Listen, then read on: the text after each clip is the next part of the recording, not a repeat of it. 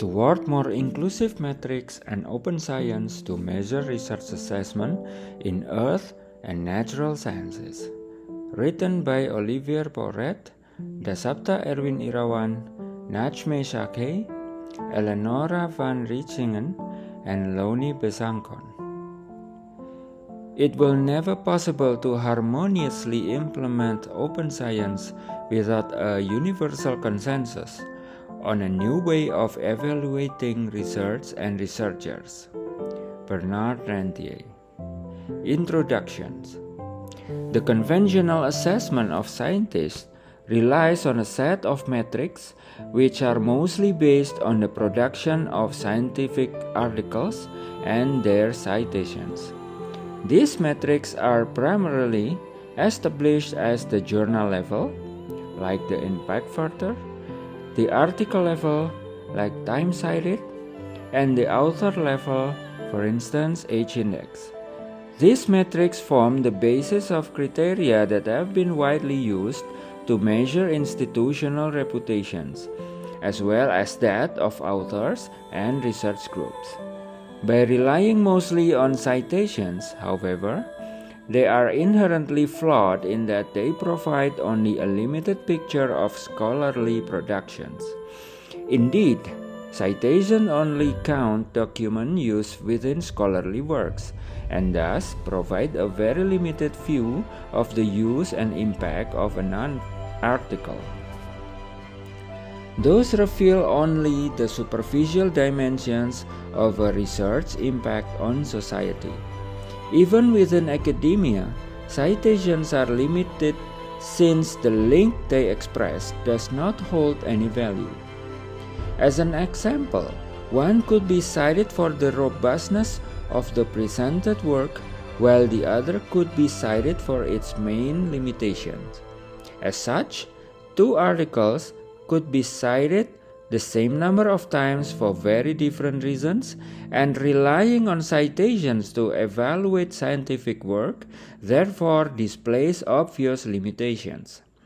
Beyond this issue, however, the conventional assessment of scientists is clearly beneficial to some scientists more than others and does not reflect or encourage the dissemination of knowledge back to the public that is ultimately paying scientists. This is visible in earth and natural sciences, which has been organized to solve local community problems in dealing with the earth system like groundwater hazards.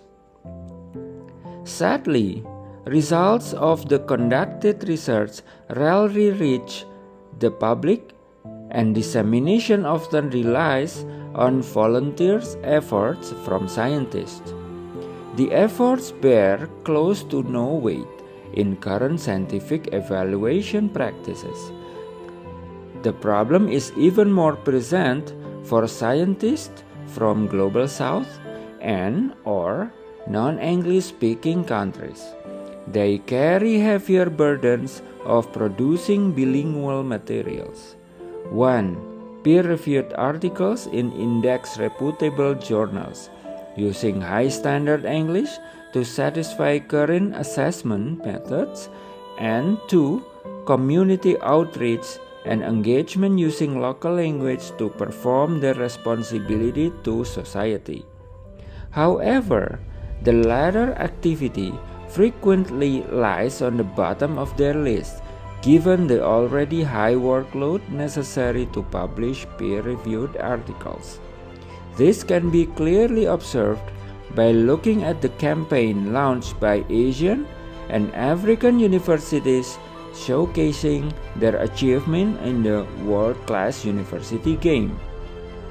All publications are strongly encouraged to be written in English language and assessments follow those typical drafted by and beneficially for Western, educated, industrialized, rich, and democratic nations. Figure 1 It's the sketch note, The Wall of Metric by Dasapta Erwin Irawan to showcase the small playground of researchers or scientists that is filled with self centered indicators. The limitations of traditional research assessment have been thoroughly demonstrated by scholars advocating for open science. They argue that our focus on citations and articles is both unfair and giving incentives for quantity over quality. Open science is not unified ideology, but ide- a diverse set of principles practices, and goals. Equity is often stated as a core aim of open science practice, but just because things are open will not necessarily ensure equity. Indeed, many factors like region, gender, discipline, and access to resources will continue to shape the possibilities of participation in an open science world. Public have been connecting open science only with open access journal publishing system with article processing charge or APC. Moreover, open access journal with APC which mostly run by for-profit publishers have gotten have often been set as the standards of quality in open access publishing especially in the Southeast Asia and also other regions. The question of how to fairly evaluate researchers using open science perspectives, however, remain a hot topic. Indeed, although open science aims to make all stages of research process, including evaluation, open and transparent, its limited role is an issue of practical implementations, a kind of challenge. Current challenges Beyond the limitations of the adopted metric based evaluation of scientists, academia faces important and rising challenges that research assessments methods should consider. First, a significant barrier to greater engagement among scientists and researchers with stakeholders and community members is the persistent academic standard that productivity and impact be judged primarily by their production of journal articles. Incentives for researchers to share their findings more broadly to policymakers industry, or involve society in the process of research are generally quite limited and often not provided by funding agencies. There are funding programs whose evaluation criteria include dissemination, but some do not. There is a strong reason for this difference. Not all frontier science is easily accessible or immediately relevant to the public. Second, for science communication to be successful, professionals are required. Often it would be too much, if not possible, to ask fundamental science researchers to engage in science communications, at least with a significant level of success. One could ask whether the role of science communicators deserves to become more established. But who should be in charge of such coordination and funding? The third, funding agencies do some communication activities, but not in a structured manner as to follow regular updates on specific topics. Choices for featuring stories often fall on hot topics like global warming. This lack of a clear dissemination strategy results in many research findings and data remaining undelivered and untranslated and therefore inaccessible to policymakers, stakeholders, and the general public. Time, effort, and costs of publishing datasets, engaging the public, and communicating findings are proportionally greater for small projects institutions, or research teams, putting even greater demands on these groups to achieve integrated, open, and network science. The fifth, a solution to this would be the use of alternative metrics, for example, altmetrics or social metrics derived from research data dissemination and social outreach. The metric tide report makes some proposals for alternatives to the impact factor. The sixth, aside to those challenges mentioned above, another critically important yet often disregarded factor is the need for diversity in team composition. Representation among different genders, backgrounds, nationalities, and career stages can expand perspectives in a project. The system is now designed in such a way that it recognizes only one type of excellent scientist, the one with a high publication rate.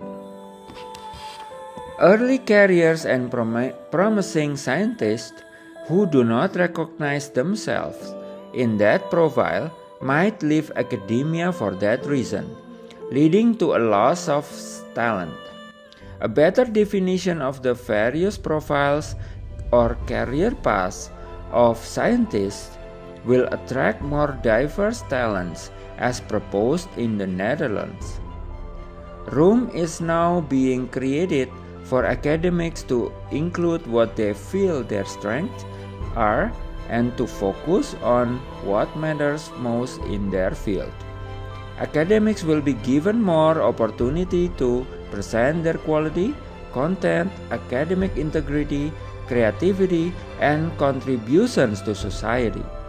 And then followed by European Open Science Conference held in Paris early February 2022 and the Paris Call on Research Assessment also in 2022. The future decision to introduce new ways of recognizing and rewarding academics does not mean that the quality of research will be lower. In contrast, it is a positive choice for more team science to promote multidisciplinarity, where one team member can be good at research, another at making an impact, and yet another at teaching. The team will benefit collectively. Local scientists and non-scientists can be great asset to projects, bringing valuable contextual information. However, even researchers wish to engage communities and stakeholders, the approach taken can thwart community engagement efforts. Further, non scientists are often dismissed by researchers, leading to disengagement by individuals who may bring great value to an effort. One factor that the science community must take into consideration is the collaboration between professional scientists and society. Such collaboration is a two way process which will empower non scientists to play a role in research activity and produce improvements and make discoveries which will be of benefit to both parties. Scientific journals and databases are less accessible to general public and outreach is an effort to translate simplify, and convey new scientific knowledge with the wider public community. Science communications in multiple non English languages is also crucial for effective dissemination of scientific ideas. However, journalists who have taken the role of science dissemination have a different educational background than scientists, resulting in difficult communication between them and potentially misinformation of the public. Therefore, we need a shift in the roles of both scientists and journalists. Finally, the COVID 19 pandemic that limits physical interactions has proven that conducting research in traditional closed mode with articles published behind paywalls also limits the collaboration and effectiveness of research development. But beyond this, it highlighted the crucial importance of fast knowledge disseminations, sometimes at the risk of misinterpreting and community provided peer review outside of traditional publishing and reviewing models, none of which are usually rewarded or considered by traditional scientific evaluation paradigm. Peer reviewers should not act as gatekeepers of science. Instead, they could take the role as the nurturers of science. Overall, it does seems that limitation of scientific evaluation are clearly apparent in all of the aforementioned challenges. None of these challenges are new, and open science advocates have for long argued toward a radical change in scientific evaluations. It remains, however, disputed how scientific assessment should be undertaken in the future.